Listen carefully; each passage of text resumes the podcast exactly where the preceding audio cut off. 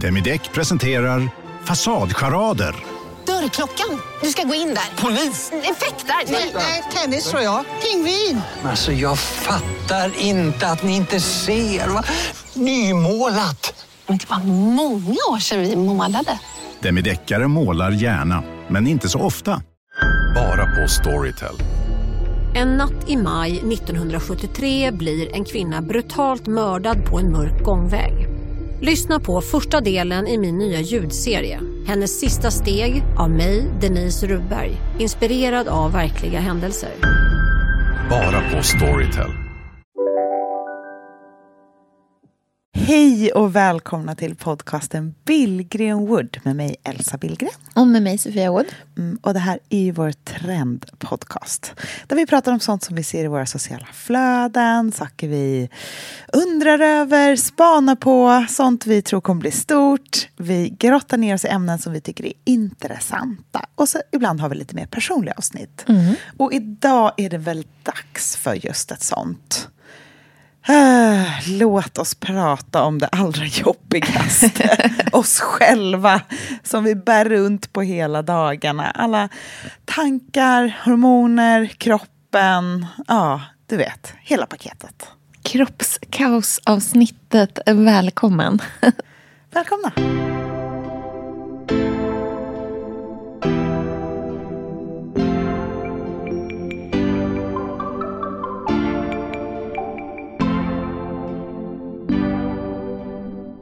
Liksom, ah, Mycket med sömn tycker jag är en identitet. Att vara en person som somnar jättesnabbt och sover jättegott, sover som ett barn, det är en identitet. Att vara en person som är vaken hela nätterna, det är en identitet också. Alltså jag tycker liksom för många är sömn en del av berättelsen om vem man är. Att vara rädd för sitt liv och göra gynundersökningar samtidigt kopplar ihop det i hjärnan på ett helt knasigt sätt. Ja. Ska vi säga att vi inte bara är tillsammans när vi spelar in det här, vi är även tillsammans i samma säng. Ja. Som vi dessutom har sovit i ihop. Jajamän. Här ligger vi på ett hotell i Göteborg. Och det känns ju speciellt att podda tycker jag. För att vi brukar ju podda när vi liksom inte har hängt så mycket. Ja. Så har man mycket prata om. nu har vi så här, jag är helt, alltså vi har ju umgåtts 24-7 senaste tiden. Ja, verkligen. Jättemysigt faktiskt. Vilken... Jag sa ju det till dig innan vi liksom kröp ner i sängen igår. Det låter som att vi så här kryper ner och liksom ligger och skedar varandra. Men typ. Nästan. Men jag sa det till dig precis innan vi gick och la oss igår. Att bara så här, gud vad enkelt allting är. Att det liksom inte alls är som att eh, bara jobba. Utan att det är ju det här helt andra. Fast att vi också jobbar jättemycket. Verkligen. Nej, men det, jag tror så här, vi har samma synk. Och det är det man letar efter, absolut i någon man jobbar med, men framförallt någon man är kompis med, tycker jag. Att man hittar en rytm i livet som gör att det bara är lätt att liksom rulla på. Och det blir så självklart alla val. Att inte varje liten förflyttning är så här, kräver en jättestort energipådrag eller tillgjordhet av en. Och det där tycker jag man glömmer bort när man blir lite äldre. Att så här, det är så det ska vara. Det ska inte vara jobbigt. Det ska vara jätteenkelt och bara flöda som en å. Ehm, och det är jag väldigt tacksam över. Och det är så roligt att vi har det och att vi kan vara hardcore business. Verkligen, för vi har jobbat jättemycket här det här senaste dygnet och har varit ute med eh, ja, men liksom, suttit i möten och sen varit ute och ätit middag med en kund. Och det är så roligt. då, Och oversharat som vanligt. oversharat ordentligt. Alltså jag kände det när jag vaknade i morse. Jag bara, vad sa vi igår? Nej, men alltså, varför hamnar jag alltid i liksom 2016? Alltså det börjar bli längre och längre sen nu. vad, men, vad tänker du på då? Nej men att jag alltid bara, det slutar alltid med att jag drar upp cancern. Ja. För det är liksom min, det är min story. Det är liksom vem jag är. Så här, jag var olycklig förut men nu har jag funnit inner peace. Känner du att den liksom, tiden definierar dig på något vis? Ja, eller jag tror att det är så tydligt att jag är ur den nu. Ja. Så jag tittar tillbaka på den tiden med helt andra ögon mot vad jag haft innan. För jag är noll procent rädd. Ja. Och det gör, alltså är man rädd, då funkar man liksom inte i hjärnan. Eh, då går det inte att vara klarsynt, analytisk, se sig själv utifrån. Allt det där är helt omöjligt att göra. För att man blir tvungen till att vara här och nu. eh, För att man vet liksom inte hur sen blir. Men nu när det har gått sex år eh, sen mitt cancerbesked och jag har gått igenom så många olika faser i det där, känner jag. Ilskan, sorgen. Eh, liksom, jag ber, det är ju tre sorger som sker när man får livmoderhalscancer, har jag insett också. Eller så har det varit för mig. Att det är ju först det här med cancer, att man får en dödlig sjukdom. Det är liksom, man är livrädd för att dö. Sen så för mig så var det ju det här med att jag precis hade fått ett barn. Men jag hade ju bara påbörjat min familjeresa. Jag ville ju kunna fortsätta sen. Så här, Det här med syskon och all, göra hela den biten. Men den avslutades ju samma dag eftersom jag var tvungen att operera bort livmodern. Och sen nummer tre, att ha cancer i könet. Det är en helt annan femma På vilket än att sätt ha då? det någon annanstans. På vilket sätt då? Grejen är att du gör alla undersökningar som gynundersökningar. Ja. Och att vara livrädd och sära på benen och sövas och göra undersökningar. Att hela tiden behöva koppla bort liksom, midjan och neråt från dig själv. Det stökar också i liksom, sexualiteten. Det är, jag kände mig ju ganska mycket som att jag varit med om övergrepp. Ja. För att det var så... Att vara rädd för sitt liv och göra gynundersökningar samtidigt kopplar ihop det i hjärnan på ett helt knasigt sätt. Ja. Det är så svårt att... För det, det ska ju vara en sån trygg miljö. Det ska ju nästan vara lite...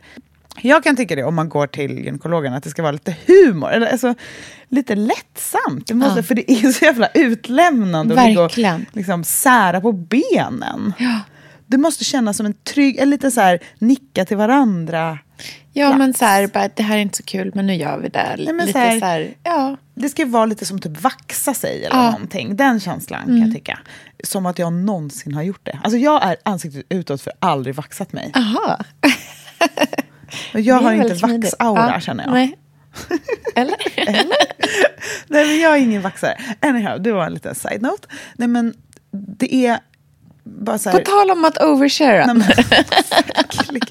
Alltså jag är helt slut i huvudet. Nej, men jag menar bara att det blir också då att sen lära känna sin att ta tillbaka sin kropp är en helt egen resa. Så det är liksom steriliteten, cancern, sexualiteten. Alltså det, är liksom, det är ett sånt rejält paket att bearbeta känslor från. Att det tar ett bra tag. Ja. Jag kan på ett sätt när det liksom, alltså när man, när man har det på det här sättet så kan jag känna att det har ju gått otroligt fort för dig att komma så långt som du har gjort. Alltså att det Tycker du? är, ja jag kan verkligen tycka det. vad att det känns som att, eh, jag vet inte om jag hade, det går ju liksom inte att säga för man vet ju inte. Nej. Men jag tror att man, när, när man hör det på det här viset så är min liksom, absoluta känsla verkligen att du har liksom både jobbat med dig själv och med liksom typ acceptans och Ja, gud, acceptans, det är det värsta. förlåtelse och alla möjliga Mm. saker liksom på ett otroligt sätt. Ja, alltså acceptans. Där är ju, eftersom vi ska prata om kroppen idag, Ja. det är en ganska bra plats att vara på Ja, sätt. verkligen. Utgå ifrån. Nej, men jag tror att det är det som jag tar med mig mest och som så här, man kan också tänka på, även om man inte har varit med om just det jag har varit med om. För jag tror Mm. att alla vi, speciellt kvinnor, vi har så mycket skit att- bära på om oss själva. Och våra kroppar och våra drömmar och liksom, allt det där är väldigt känsligt. Och det enar oss, tror jag, mycket. Ja. Eh, men att så här, det handlar i slutändan alltid om självkärlek. För där hittar man liksom lösningen på allting. Och för mig har det varit, just i det här fallet, en det enda som har gjort att jag har kommit vidare hela tiden. Så här, viljan av att ha, alltså jag vill ha ett bra liv. Jag vill tycka om mig själv trots att jag har liksom hatat den här förbrukade, fruktansvärda kroppen som jag går runt och bär på, som inte är till någon nytta, till någon glädje för mig. Jag har ju känt mig jättemycket bara som en tom, ett skal. Alltså så här, alla de grejerna som är härligt för mig är bortplockat. Nu ska jag bara vara för andra människors skull. Liksom. Min, de lyckopiller, alltså det som är liksom min njutning, alltså det hela, min, min livsdröm, alla de där, det är borta. Nu är det liksom så här, nu ska Nu det bara det rulla andra. på. Och det har varit otroligt deprimerande. Men sen hittade ju jag träning och typ andra saker som var bara för mig och min kropp. Och då är det lite så här, hitta tillbaka till sin kropp, att man äger den. Och att den är en del av mig. För nu måste jag säga att så här, där du är nu, idag... Liksom, det, så, alltså, och det här menar jag liksom är stor skillnad från bara för ett halvår sedan. skulle jag säga. Så upplever jag dig som att du har att du mår liksom ganska bra.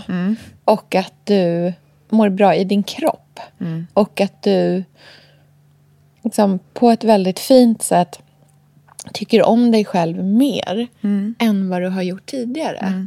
Och Jag det syns och Ja, liksom... Jag vet, jag skäms ganska mycket över det. Nej, nej, nej, nej, nej, nej, nej, jag menar inte alls så. Utan jag menar att det liksom syns som i att, inte som i att du bara, "Haha, här kommer jag. Ja, men utan jag, mer som jag har att ju det- lite ett sånt nej, drag. nej, gud, du måste, alltså, du måste komma över den här personen som någon gång sa till dig att du led av grandiosa, Just alltså släpp det. det- ja, ja. Det är så här, släpp att någon sa det. Liksom, Okej. Leave it. Det är ingen, Nej, jag vet ju rent logiskt du är att... inte odräglig, utan det jag Nej, menar är att du har en utstrålning som är att det känns som att du trivs i ditt egna skinn. Mm. Och det är väldigt härligt. Jag menar noll procent som att du liksom hjular ner för Avenyn och bara, you guys. Nej, men herregud, man är väl människa. Nej, för mig handlar det jättemycket om att jag har gjort en kroppslig förändring på många sätt, som är att ta tillbaka liksom mig. Alltså, Jag är i kontakt, jag känner varje liksom, muskel, jag, jag äger varje rörelse.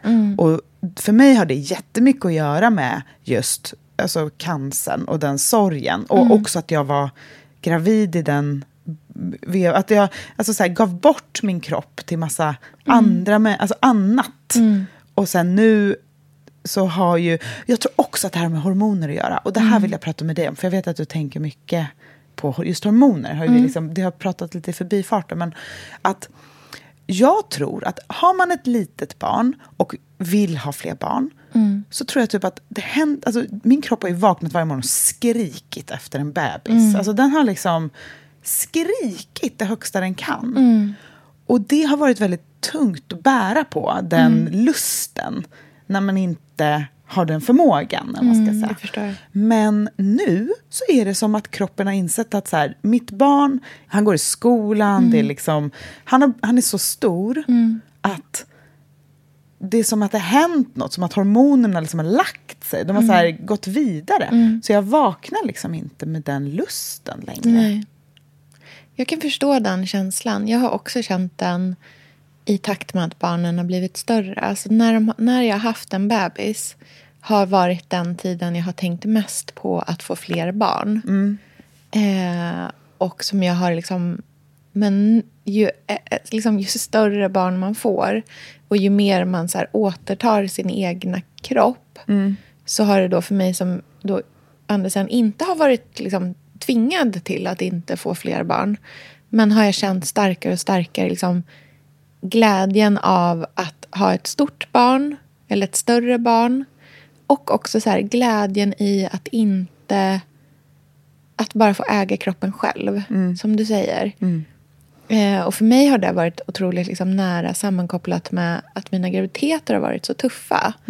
Så att ju mer liksom, distans jag får till dem, desto mindre sugen blir jag på att någonsin liksom, gå igenom det igen.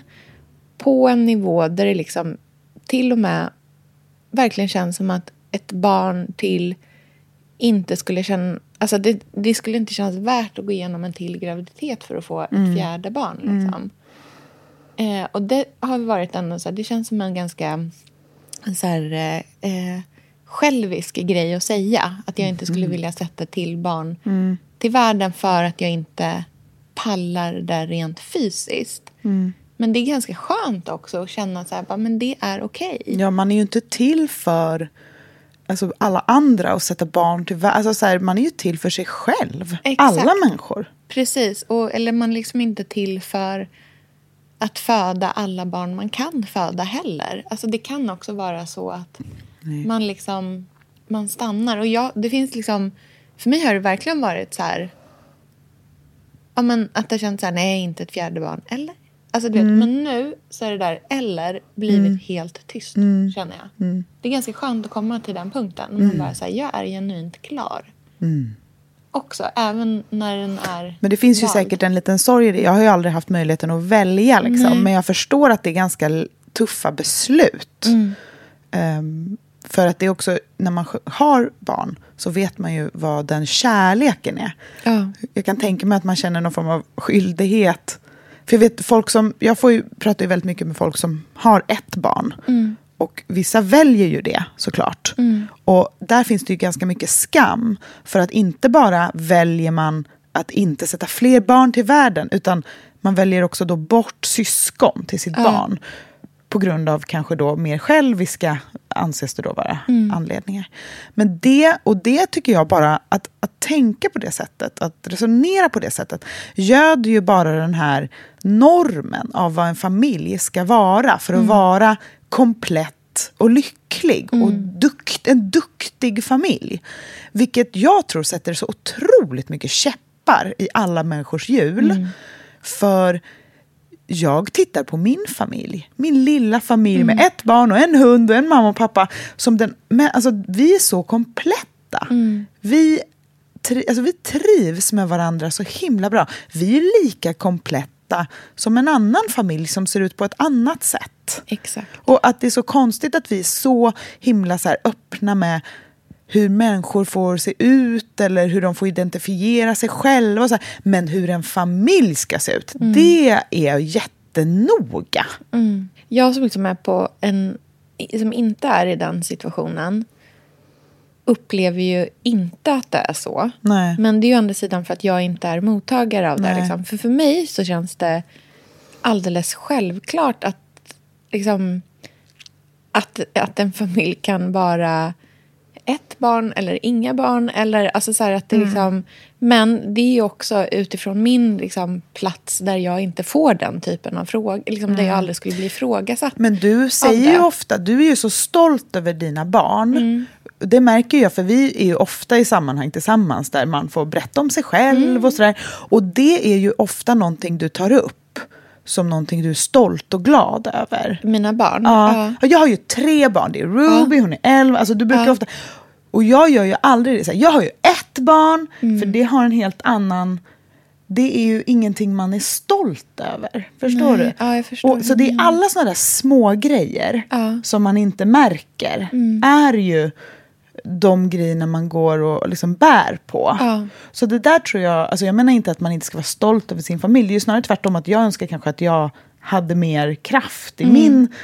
Men det är ganska tvära kast att gå från att, att först bli drabbad av något till sen acceptera något Ja. till att sen vara stolt över något. Ja, det är, det är en verkligen. lång resa. Liksom. Ja. Men jag menar bara att sånt där märker man hela tiden. Att det blir alltid futtigt när man jämför det. Mm.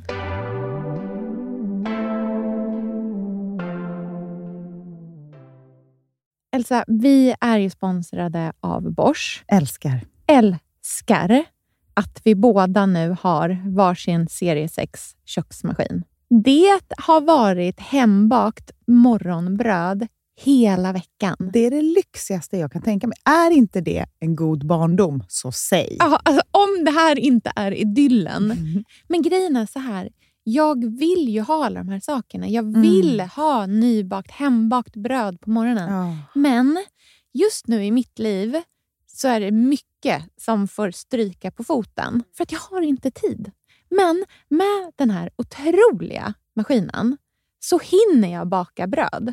Den sköter liksom allting själv. Jag behöver inte ens knåda. Jag sätter på den och den gör knåderörelserna åt mig. Alltså serie 6 har ju sju stycken sensordrivna automatiska program. Ja, När jag hör den hör meningen, det. ja, Ja. då känner jag så här, jag kan inte misslyckas. Nej! Den, alltså, degen blir perfekt. Mm. Det är som att jag har lagt ner jättemycket tid och energi på det här brödet när det jag har gjort är att hälla saker i en skål och trycka på en knapp. Underbart. Mm. Nej, men man bakar ju som ett proffs och jag tycker om att baka enkla grejer och de Ja. blir ännu enklare med Bosch serie 6. Alltså, jag har ju haft Bosch i mitt liv ganska länge, Mm. och speciellt på landet. Så för mig är det förknippat med att det blir gott, det är mysigt Mm. och det är tryggt för det blir riktigt bra varje gång. Man väger ju också sakerna direkt i skålen, så det blir Mm. inte tusen olika saker som måste diskas och som är krångligt. Det är verkligen sänka ribban. Men Bosch har ju tänkt ut vad vi skulle kunna misslyckas Ja. med och eliminerat de faktorerna så att det blir bra varje gång.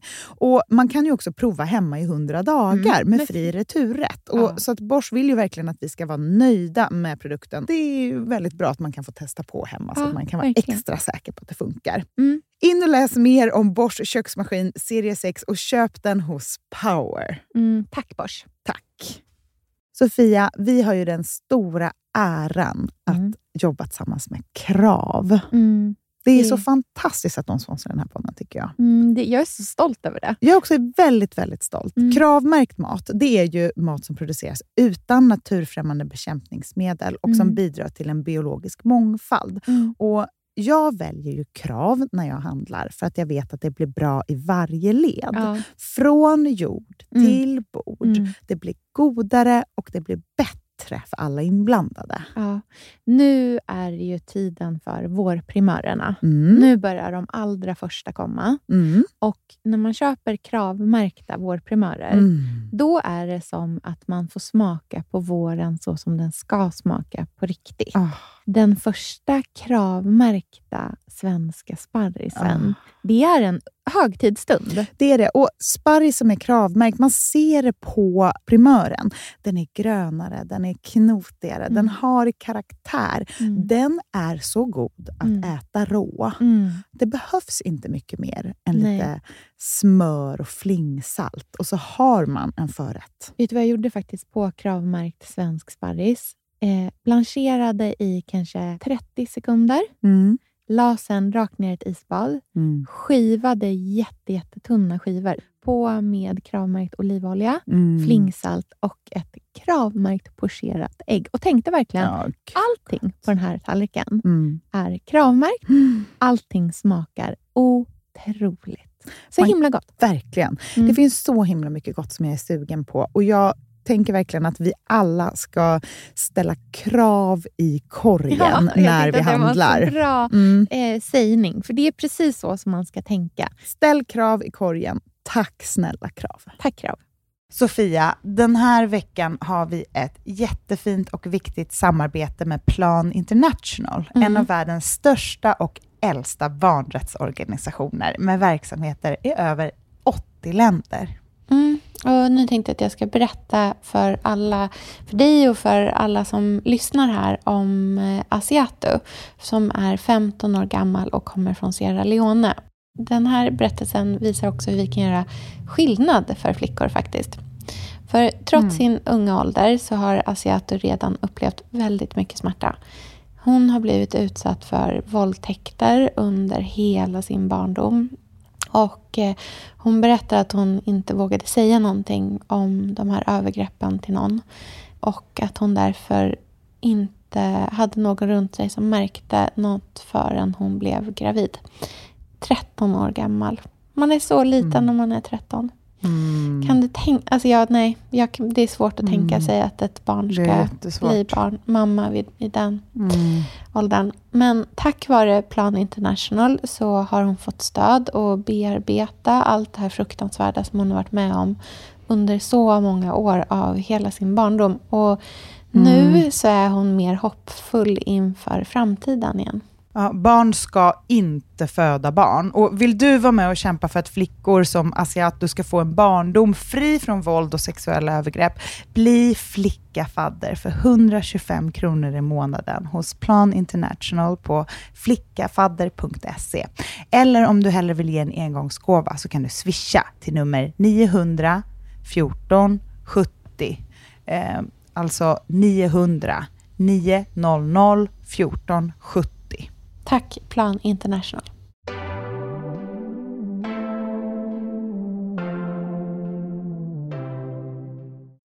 Men nu gled vi över lite i barn. Ska vi gå tillbaka till kroppen lite?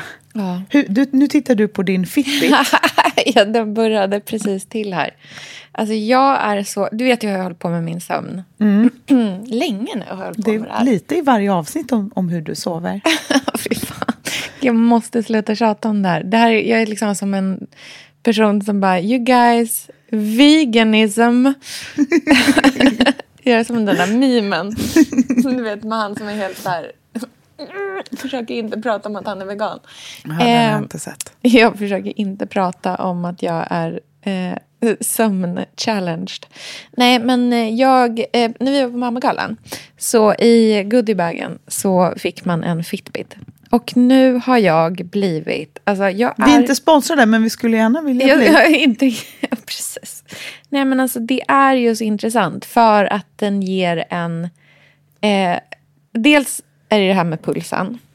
Att jag har så fruktansvärt hög puls. Vad beror det på? Är det bara genetiskt? jag vet inte. Det är, men dels är det ju för att jag liksom antagligen är väldigt, väldigt... Ränner runt. Nej, ja, kanske det. Men det är mycket också för att jag är säkert är väldigt, väldigt otränad. För jag har ju jättehög vilopuls. Och framför allt så är ju min, liksom, min vanliga puls, som är liksom bara när som helst. Den är liksom alltid över hundra. Alltså jag har alltid över hundra. Jag har alltid hög puls liksom.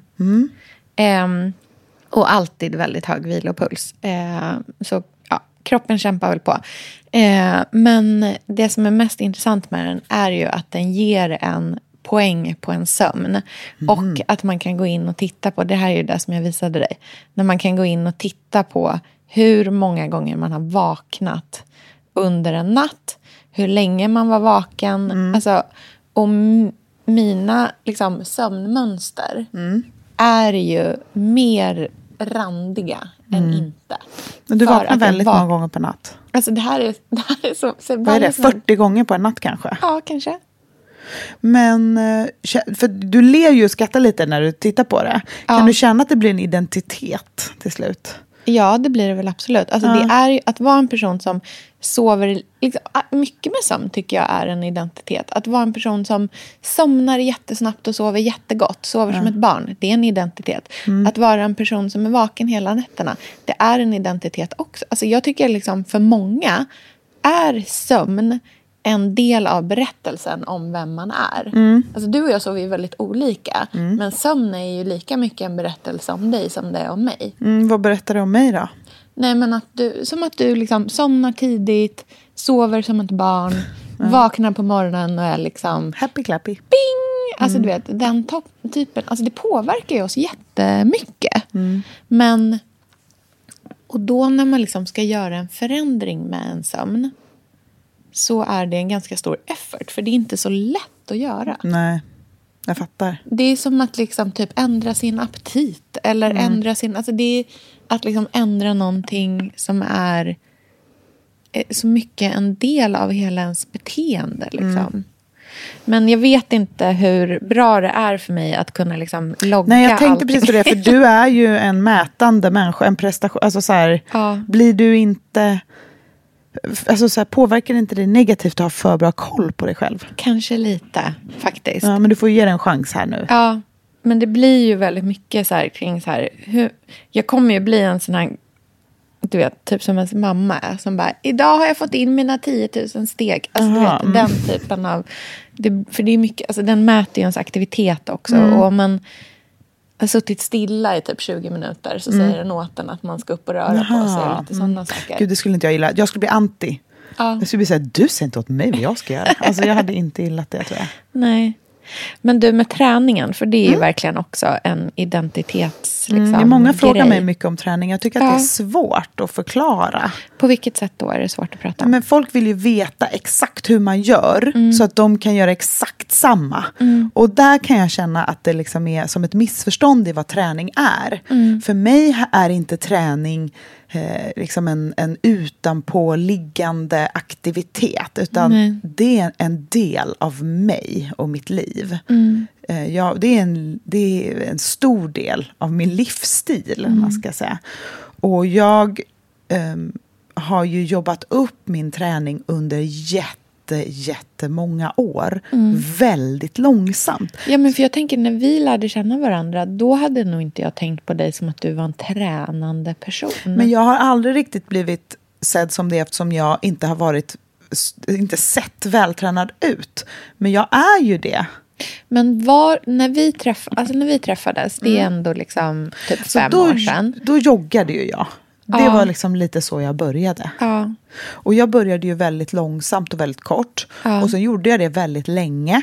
Och tog långsamma liksom, kraftsteg i eh, liksom, utvecklingen, eller vad man Mm. ska säga. Så att jag började träna ungefär när jag blev gravid.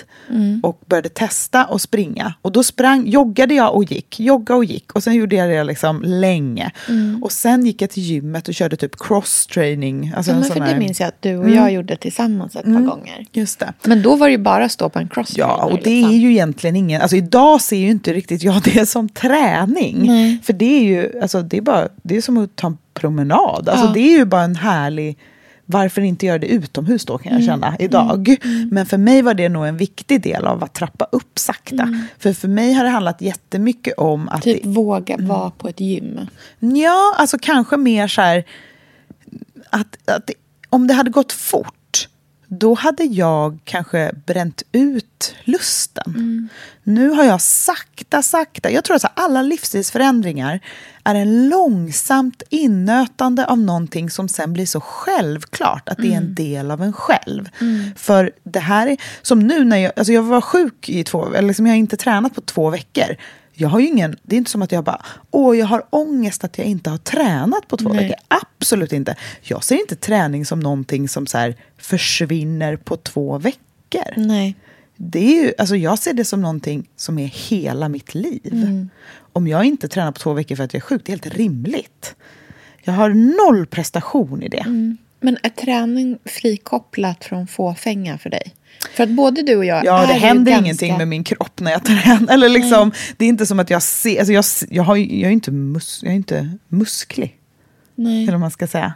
Men för där kan jag ändå tänka så här, både du och jag är ju liksom in, verkligen på ett ytterst liksom vanligt sätt, men som de flesta är. Men vi är ju liksom relativt fåfänga människor. Vi bryr oss ju om Ja, för Liksom, det, det är ju vårt sakerna. jobb, och, alltså hur vi ser ut. Eller liksom, ja, och jag man menar, syns jag ju. säger inte det här som liksom att jag tycker att varken du eller jag gör något fel i det eller är mer fåfänga än vad liksom de flesta är. Eh, skillnaden för oss är också att vi liksom syns. Att det är många som ser. Eh, så då blir det ju kanske ännu liksom svårare att inte vara fåfäng än Mm. att liksom... Men fåfäng, jag har svårt att förstå egentligen vad det är, om jag ska vara ärlig. Mm. Alltså jag försöker, jag bara fåfäng, det är alldeles för stora ord. Jag försöker bara så här, inte hata mig själv. Alltså Mm. så här, jag, jag tänker att man måste backa. Mm. Eller jag kan i och för sig känna att jag är lite både och. Jag kan ena dagen bara tycka att jag är liksom on fleek och bara Mm. jävlar vad, nu är vi, oj oj oj. Men i vanliga fall så är man ju bara en trött gammal kropp som glider runt och Mm. kämpar på. Mm. Träning har för mig mycket mer med välmående att göra. Och det kan jag verkligen säga utan att kokettera eller vad man ska säga. Alltså jag säger det som en del av att jag är, då är jag i en rörelse. Mm. Och det får mig att må bra. Jag vill ju allra helst vara alltid i Mm. rörelse. Det vill liksom, det är min... Då mår jag bäst. Mm. Och då menar jag rörelse både konkret fysiskt men också liksom i en tanke. Mm. Jag är skapt så att jag vill förflytta mig hela tiden, tänka framåt. Alltså det, Mm. finns en, det finns en motor som är igång. Och då menar jag inte på ett så här jag har inte ADHD, jag är inte rastlös. Jag bara tycker om känslan av framåtrörelse och Ja. rörelse.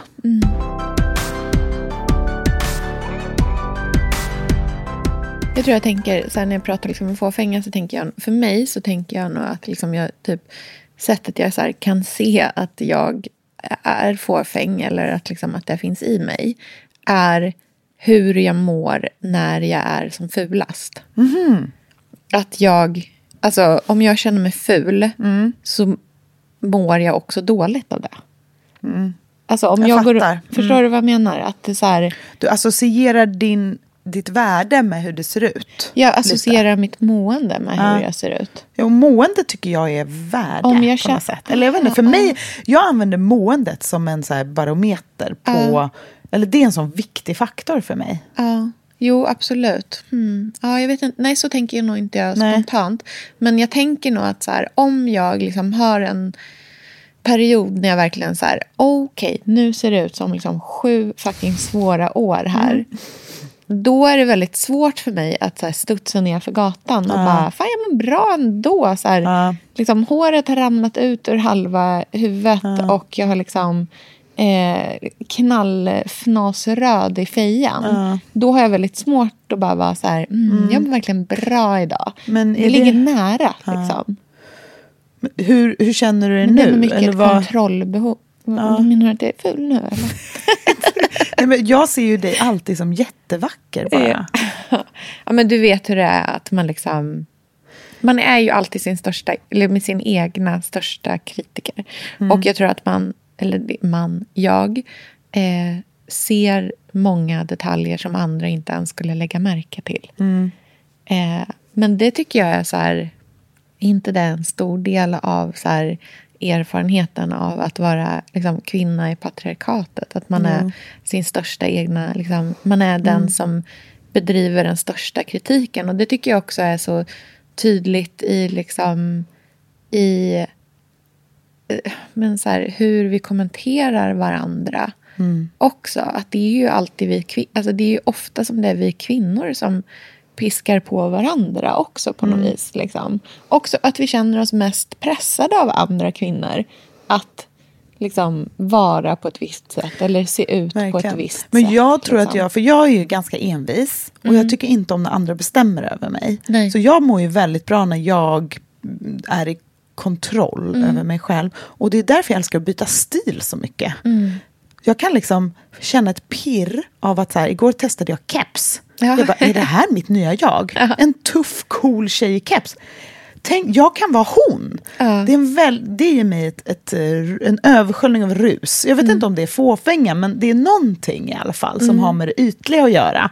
Som rotar sig i min liksom, själ Mm. och jag, ger mig kraft. Mm.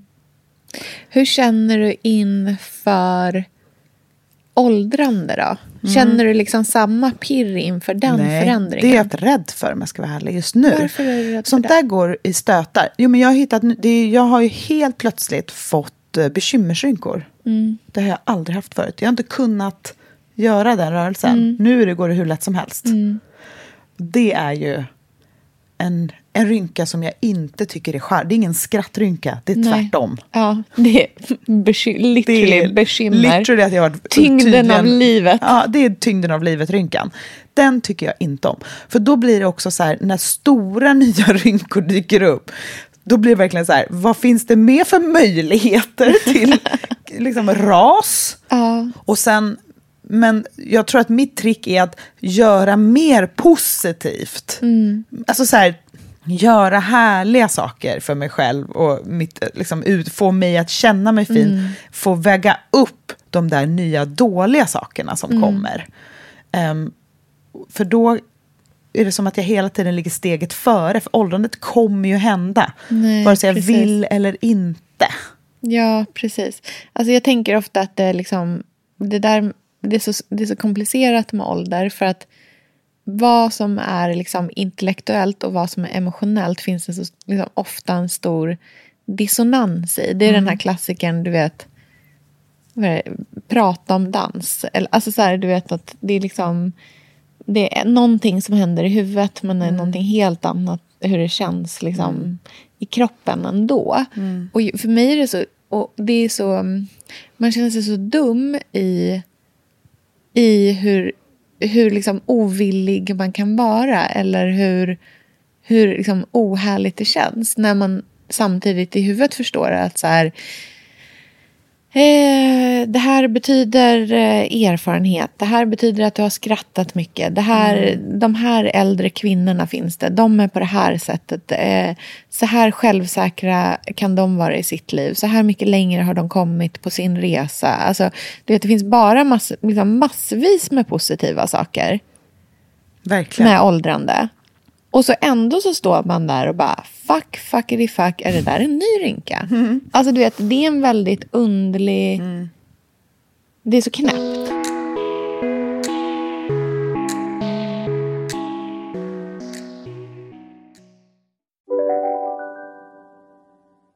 Ni har väl inte missat att alla takeaway förpackningar ni slänger på rätt ställe ger fina deals i McDonalds app. Även om skräpet kommer från andra snabbmatsrestauranger. Exempelvis... Åh, sorry. Kom, kom åt något här. Exempelvis... Förlåt, det är något skit här. Andra snabbmatsrestauranger som... Vi, vi provar en talning till. La, la, la, la, la. La, la, la, la. Nej. Dåliga vibrationer är att gå utan byxor till jobbet. Bra vibrationer är när du inser att mobilen är i bröstfickan. Få bra vibrationer med Vimla. Mobiloperatören med Sveriges nöjdaste kunder enligt SKI. Om en så vidde på väg till dig för att du råkar ljuga från kollega om att du också hade en och innan du visste ordet av du hem kollegan på middag och... Då finns det flera smarta sätt att beställa hem din sous på. Som till våra paketboxar till exempel. Hälsningar Postnord. Hur känner du kring åldrande och ditt eget utseende och så? Alltså jag är ju inte så mycket vän med det. Nej. Ehm, jag försöker någonstans verkligen... Jag vill liksom hitta de där sakerna som blir... Jag vill hitta det där välmåendet som du har med din träning. Det vill jag hitta i mitt egna... På ditt egna sätt? Ja, på mitt egna sätt också. Och tyvärr så tror jag liksom för mig inte att det kanske är träning. Nej, så det ska man inte forcera fram. Eh, samtidigt som jag skulle vilja att det kanske kunde vara där lite grann. Liksom. Eh, och det vore väl bra. Men jag tycker att, nej, jag, jag tycker att fan åldrande tycker är skitjobbigt. Eh, och jag kan också känna så här, om vi då cirklar tillbaka till det här med liksom barnen. Att jag var liksom trebarnsmamma när jag var 33. Mm. Det är liksom relativt tidigt på något vis. Eller liksom i, min, i mina kretsar så är det ganska tidigt. Det är inte som liksom... Eh, många av mina vänner har liksom fått barn senare eller haft, liksom har de haft, ja, att de har kommit senare. Ehm, och där någonstans kan jag känna så här att det var så, liksom, det var så mycket i mig som åldrade mig så Mm. mycket där i början. Och samtidigt så känner jag att så här, nu jag börjar närma mig 40. Det känns helt svindlande. Mm. Och att det är lite så här, vad händer nu i mitt liv? Det är också det som jag tycker Mm. är läskigt med åldrandet. Att det liksom inte bara det fysiska, det är liksom inte bara så här, hur kommer åldrande se ut i mitt ansikte? Utan också så här, hur kommer åldrande vara i mitt liv? Vad händer i mitt liv? Mm. Har allting redan hänt? Är det här en enda lång raksträcka till, till vad då? Jag vet inte ens vad det är till. Det där låter som en 40-årskris. Ja. För det är då man så här, börjar långdistanscykla. Eller någonting. Verkligen. Och det är så här, också i takt med att barnen faktiskt blir större och behöver mig mindre på liksom det där akuta sättet. Mm. Tyvärr måste man ju då börja tänka på sig själv Ja. igen. Det är ju det som Hur är... fan gör man det liksom? På ett vettigt sätt. Mm. Som inte är kritiskt. För det handlar ju om att lära sig vara snäll mot sig själv. Ja. Det kräver ju massa övning. Ja. Och det kräver också, igen, den där självkärleken som du pratade om. Och den har ju inte jag så mycket. Och då undrar jag lite hur jag får den.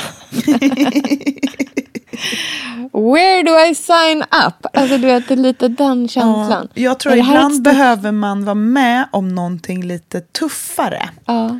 För att, vara så att tvinga sig själv att tycka om sig själv. Mm. Jag tror för mig har det... Jag hade nog inte kommit så här långt i min liksom, personliga utveckling om inte Mm. jag hade haft en livskris när jag var Mm. 30. Mm. För det hade snarare bara kommit krypande allting. Mm.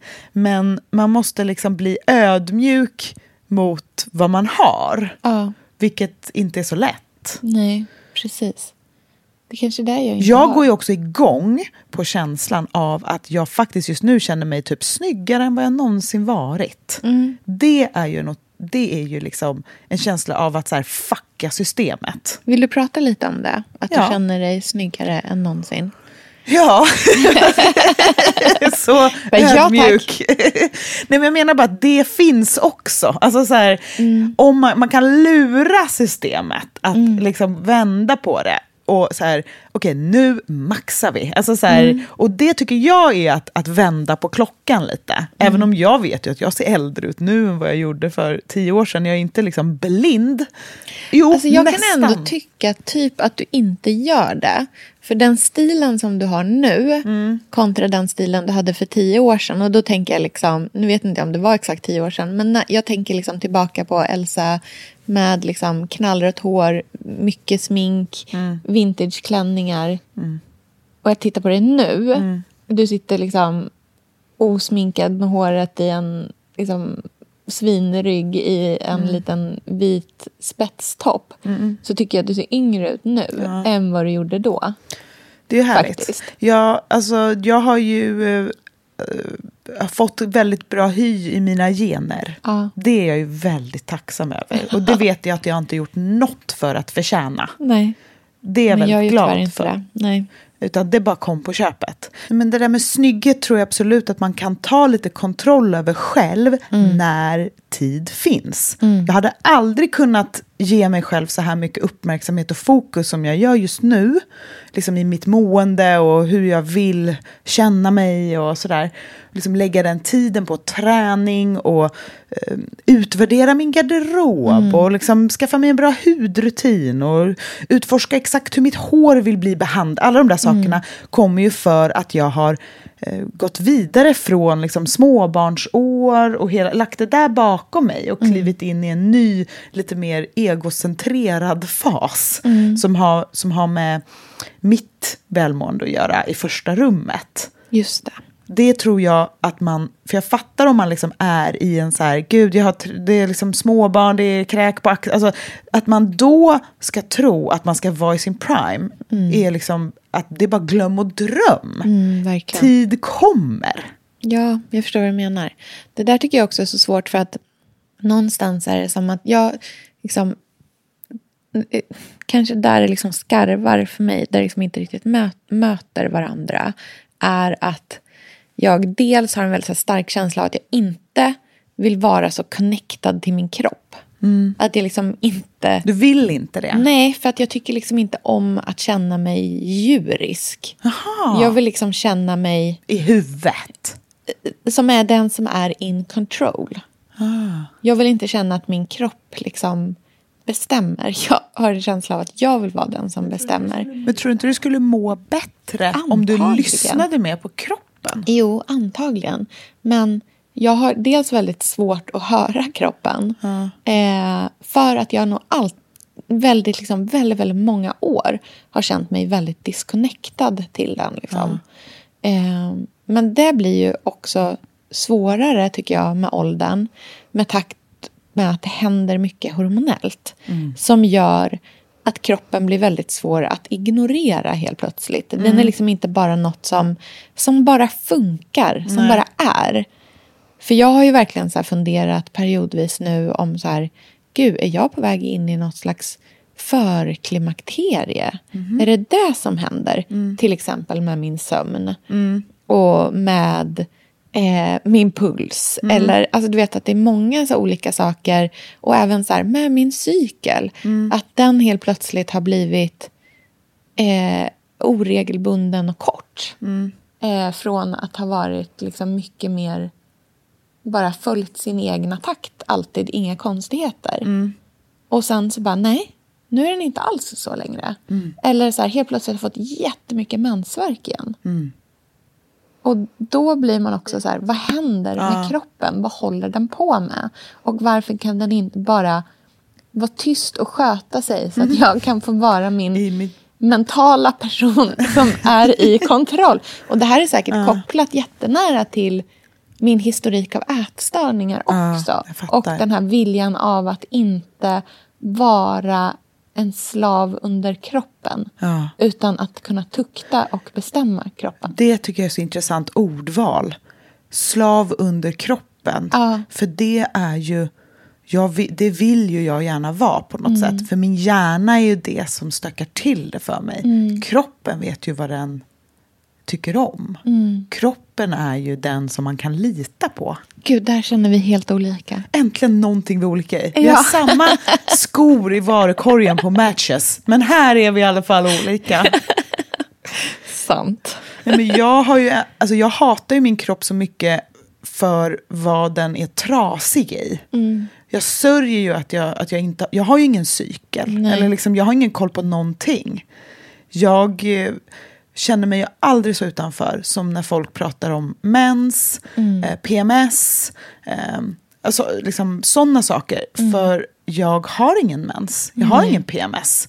Jag känner mig inte som en kvinna då. Och Nej. just som det är nu så är liksom att prata om PMS, det är liksom det kvinnligaste vi har i grupp. Mm. Så det utanförskapet är så stort. Mm. Att inte kunna Delta, höra liksom. Ja. sin kropp alls. Mm. Det där, ja.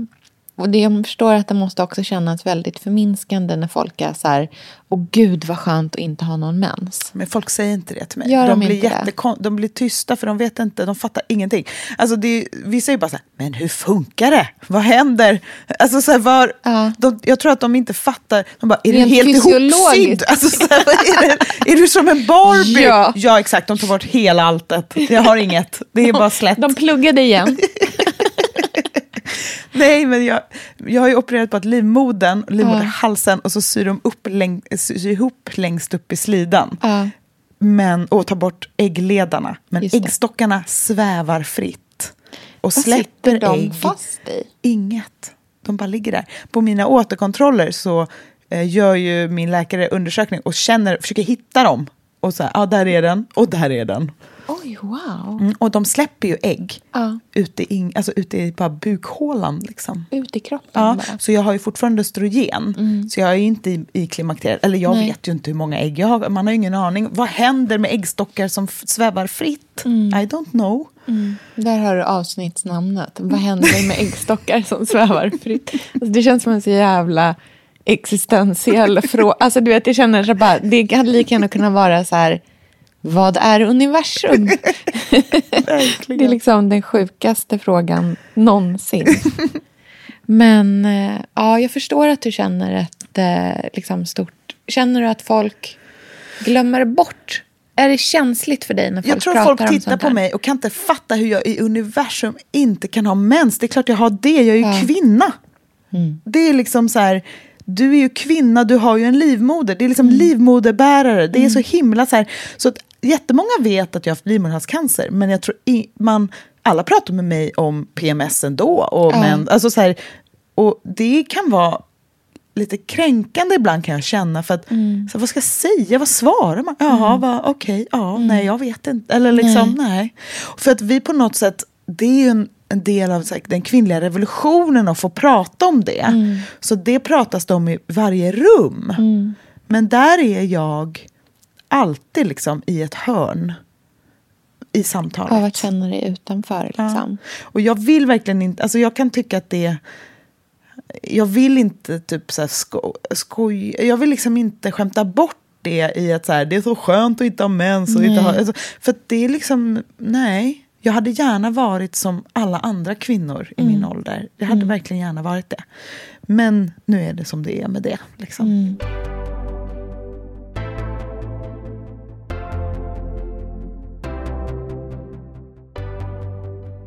Ja, det där är ju verkligen undligt.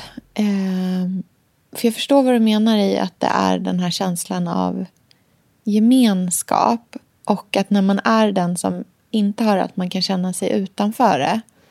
Samtidigt så tänker jag också att så här, det du har varit med om är ju en stor del av vad som liksom kan definieras som så här kvinnohälsa. Och där i ligger ju det här och alltså att det är Mm. en del av den helheten Mm. Som är... Jo, för när vi pratar om det här nu och när du pratar om dina liksom, hormontankar och där, så vi enas ju, även om vi alla har olika utgångsläge och liksom olika problem att dras med, olika rynkor och olika cyklar, hur de nu kan vara på olika sätt, så är ju det enande. Ja, precis. För jag känner ju ett liksom, systerskap med dig i erfarenheten av att vara kvinna. Och den erfarenheten kan ta sig liksom, uttryck i form av att man får livmoderhalscancer när man har en liten bebis. Den kan ta sig uttryck i att man inte äter när man är tonåring. Den kan ta sig uttryck i att man liksom hittar träning. Eh, den, alltså du vet, så här, alla de här sakerna är en del under det stora paraplyet av så här, den kvinnliga erfarenheten. Verkligen. Och när man hör varandras Mm. berättelser, som på den här middagen vi var på igår. Det är så lätt att man öppnar upp där Mm. för att man kan ta emot varandras berättelser. Mm. Och jag tror också så här, när man tittar på främmande kvinnor på, typ, i sin Instagram-feed, är det lätt att som distansera sig Mm. själv från henne. Men precis, vi man ser är mer olikheterna. samma. Ja, Mm. precis. Det, och där tror jag att det ligger en jättestor, så här, där ligger en så stor välj lycka, eh, alltså välj glädje-kompass. Mm. I att istället för att liksom fokusera på det som så här, skiljer oss åt och det som är olikheterna i våra erfarenheter. Att så här, istället lyfta blicken och titta på det som är sammanbindande. Mm. Och där tror jag att man kan hämta, det finns så mycket glädje att ösa ur det istället. Ja. Gud vad mysigt. Nu måste vi springa till tåget och Ja. åka hem. Nu ska vi åka hem. Tack för den här eh, helgen i Ja. Göteborg. Nej, helg. Det är inte helg. Nej. Nu, vad bra det går för mig. Tack för den här Alltid så mysigt att vara i dygnen. Göteborg. Och mysigt att ligga här i en säng och prata med dig. Verkligen. Och tack att ni lyssnar varje vecka. Ni är så många nu. Ja, det är jätteroligt. jättekul. Det gör att vi oversharar med glädje. som vanligt. Så knäppt också. Så ju fler ni är, desto mer kommer vi- blotta vårt innersta. Från Nej, fredagsbukett en- till så här, könet. Nej men alltså verkligen. Vi börjar där liksom. Sluta här. verkligen. Vem vet vad vi pratar om nästa vecka. Exakt. Håll i er. Nej, Håll men, i hatten. Det är så härligt att man och kan prata om liksom pasta och om, om fri, svävande äggstockar. Exakt. Vi eh, ses på Billingen Wood Podcast på Instagram och så Ja. hörs vi om en vecka. Det gör vi. Ha det så fint. Hej då. Hej.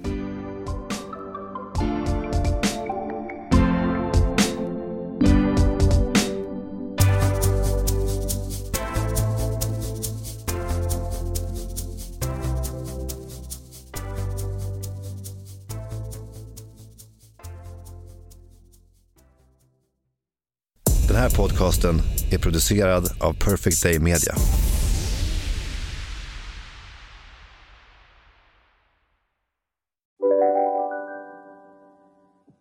Hej, Susanne Axel här. När du gör som jag och listar dig på en av Krys vårdcentraler får du en fast läkarkontakt som kan din sjukdomshistoria. Du får träffa erfarna specialister, tillgång till lättakuten och så kan du chatta med vårdpersonalen. Så gör ditt viktigaste val idag, lista dig hos Kry. Dagens vinnarprognos från Postkodlotteriet. Postnummer 65209, klart till halvklart och chans till vinst. 41101, avtagande dimma med vinstmöjlighet i sikte. Övriga 10 500 postnummer, soligt och möjlighet att vinna. Oavsett när sommaren kommer till dig så kan du och dina grannar få dela på 48 miljoner i sommaryran. Ta chansen nu i maj på Postkodlotteriet.se. Åldersgräns 18 år. Kontakta stödlinjen om du eller någon anhörig spelar för mycket.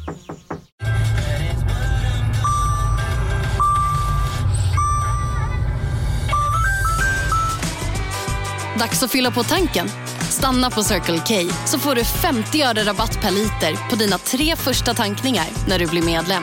Vi ses på Circle K i sommar.